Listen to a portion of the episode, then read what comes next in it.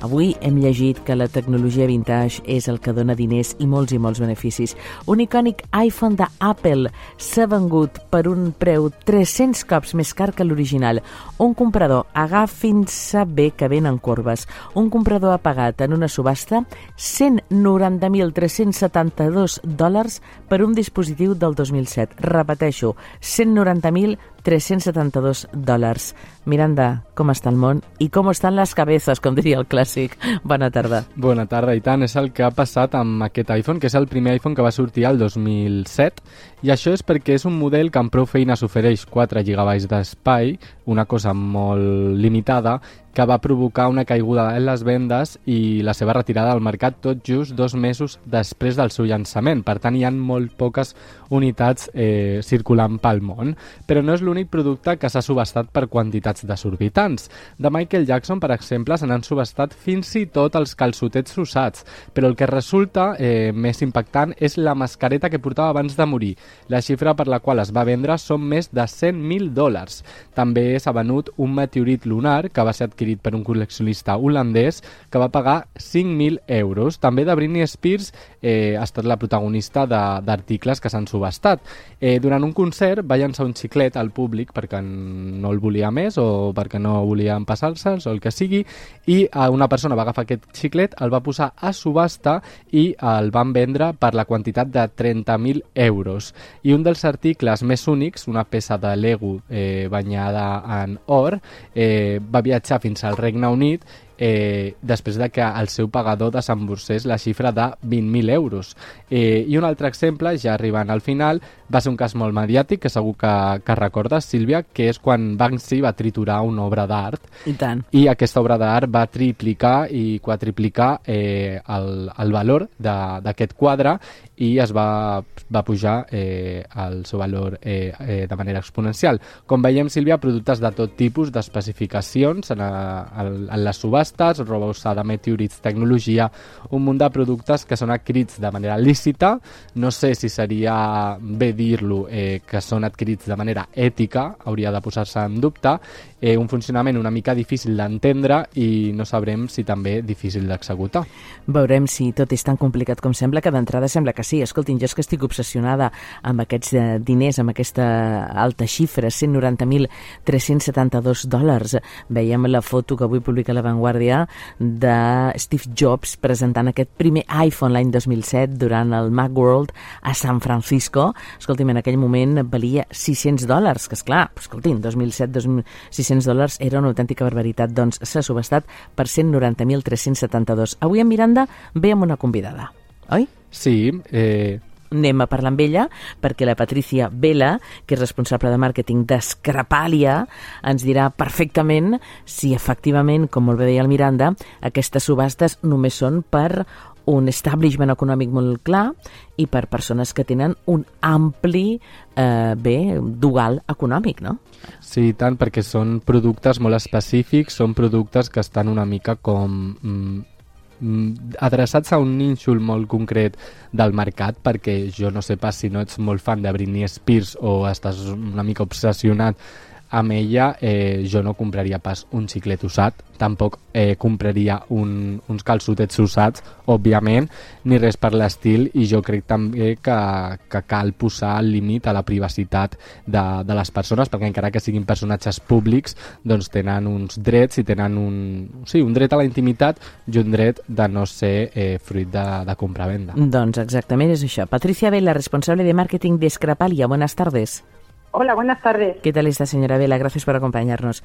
Nada, gracias a vosotros. A usted le debe parecer lo más normal del mundo. Yo estoy todavía en shock cuando eh, Adrián me ha pasado esta información hoy de 600 euros 2007 a eh, 190.372 dólares eh, ayer mismo. La verdad es que esta es una cifra jamás vista en iPhone de primera generación. Subraya la propia empresa que ha hecho la subasta. Eh, evidentemente, el que se puede gastar 190.000 euros euros por un iPhone que no estuvo demasiado al mercado porque Apple lo retiró poco después debido al retraso en las ventas totales y, el lanzamiento casi continuo de un modelo con más eh, capacidad, en ese caso el 8G, oiga, pues es que a mí me parece algo eh, sorprendente, Patricia. sorprendente es, eh, no, no dejamos de sorprendernos siempre con, este, con estos resultados, pero aquí evidentemente no se puede valorar eh, lo que es el valor que tiene el iPhone en sí. Eh, aquí entra un componente muy especial que siempre es el, sentimental y, cuando hablamos de coleccionismo eh, nada tiene que ver el, el valor, por así decirlo, real con el valor que puede alcanzar para alguien eh, que esté realmente interesado en contar con esta pieza en concreto para su colección. Y en este caso está claro que al ser un modelo pues muy exclusivo que se retiró enseguida del mercado, pues para los eh, fanáticos de, Apple, no, pues este que tiene un, valor mucho más importante como se ha visto en la subasta.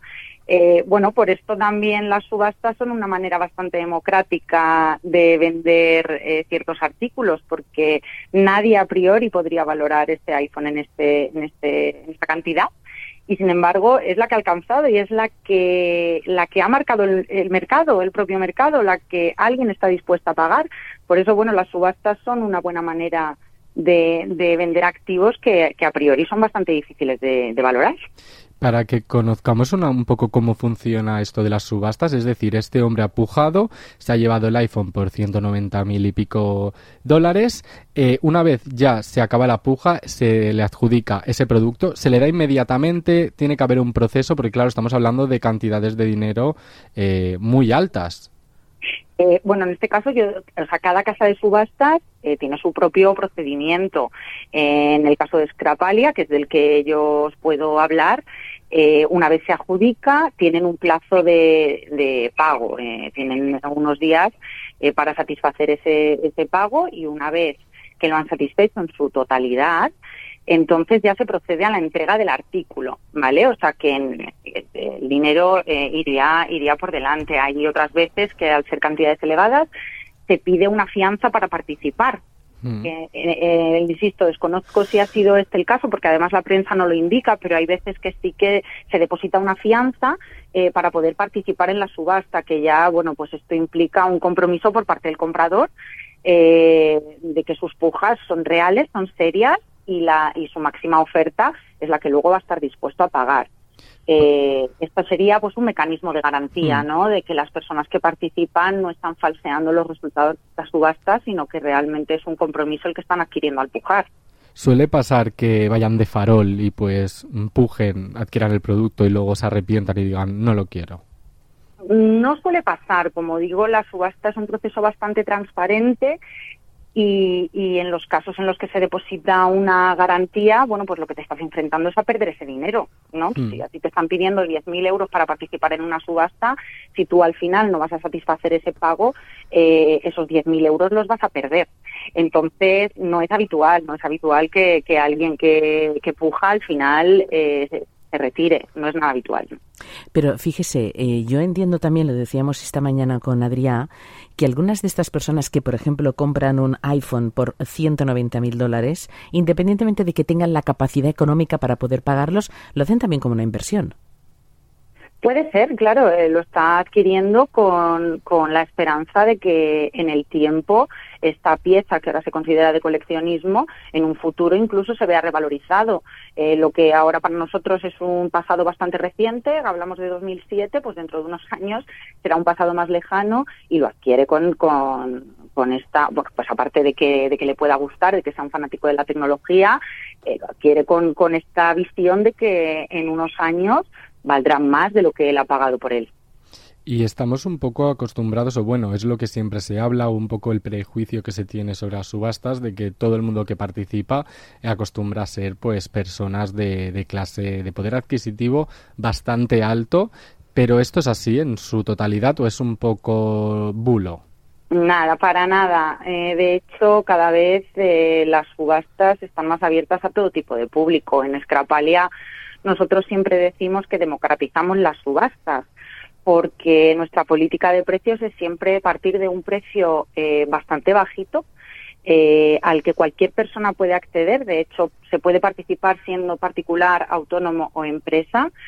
Eh, y dejamos que sea el mercado el que el que marque este precio, ¿no? Que las pujas van subiendo en tiempo real, todo el mundo va viendo por qué importe va ese lote y, y para nada es algo elitista.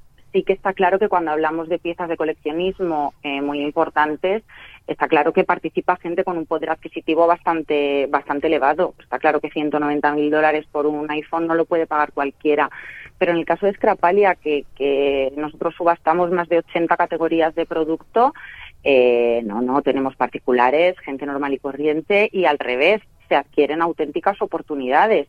Eh, nosotros hacemos liquidaciones tanto de tecnología como de maquinaria industrial, eh, negocios completos, líneas de producción y, en, las categorías más populares puede participar cualquier persona y con un presupuesto muy ajustado. Eh, presupuesto ajustado y también eh, con ínfulas. Y me explico. Hoy Miranda me decía, pero ¿Cómo sabemos que tenemos un producto que puede ser eh, fácilmente eh, vendible en forma de subasta? Por ejemplo, antes eh, de, del boletín informativo de las cuatro hablábamos con otro compañero del hecho de que este fin de semana se publica y eh, se estrena Barbie, una de las películas que ya dicen los críticos americanos que irá a los Oscars sin ningún tipo de dudas. Claro, ahora imagínese usted que yo tengo un, una Barbie del año del catapún. Eh, igual la tengo en casa. Igual viendo la película me acuerdo que mi abuela me regaló esa Barbie y la tengo en el armario de cualquier manera. Eh, ¿Esa Barbie puedo yo imaginar o puedo presuponer que puede ir a una subasta? Porque supongo que no todo vale, eh, Patricia. No, to no, todo vale y para eso existen también las figuras de los tasadores y de los tasadores oficiales. Eh, de hecho, habrá que probar que esa Barbie es del año eh, que el dueño dice que es, tiene que tener algún tipo de certificado, sobre todo con, con, con, este tipo de objetos, ¿no? Porque, bueno, el iPhone es fácil ver eh, de qué modelo se trata, de qué año es y demás, pero también creo yo que eso vendrá acompañado probablemente de una factura de compra, eh, un certificado de autenticidad. Eh, para eso están los tasadores, que son expertos, que saben ver y saben valorar si lo que tienen delante es un activo valioso o no es valioso, te pueden hacer una, una valoración y ya pues tú decides si lo pones a subasta o no. Eh, de hecho, el, el, resultado te puede sorprender, eh, te lo pueden tasar en un precio que tú consideras normalito y luego lo pones en subasta la casa que te lo está subastando es lo suficientemente hábil como para atraer a público eh, muy interesado y que esa subasta se dispare y al final acabes obteniendo un valor por, por ese objeto mayor incluso del que pensabas. Eh, pero siempre que se trata de objetos de, de, coleccionismo y tal, tienen que venir acompañados de un certificado de, de autenticidad. ¿eh? Esto sí que el mercado y sobre todo en el coleccionismo se mira bastante, se tiene muy en cuenta. Hombre, entiendo que alguien que compra una Barbie, por ejemplo, que yo tengo en mi casa, ¿no? En un sótano, y que pido por esta Barbie, voy a exagerar, o no, no lo sé, 100.000 euros, pues tiene que ir con la seguridad de que efectivamente es una Barbie, que efectivamente es el año del catapún. Es decir, que no es tan fácil, no es tan fácil. Patricia, no, no es tan fácil. No es tan fácil, claro. no. Patricia Vela, responsable de marketing de Scrapalia, muchísimas gracias. Ha sido maravilloso escucharla. Gracias. Gràcies a vosaltres. A usted, buenas tardes.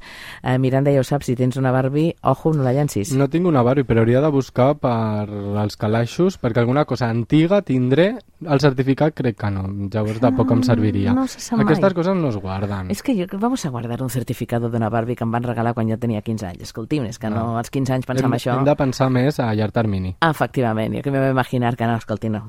Quita, quita, que no. Miranda, gràcies.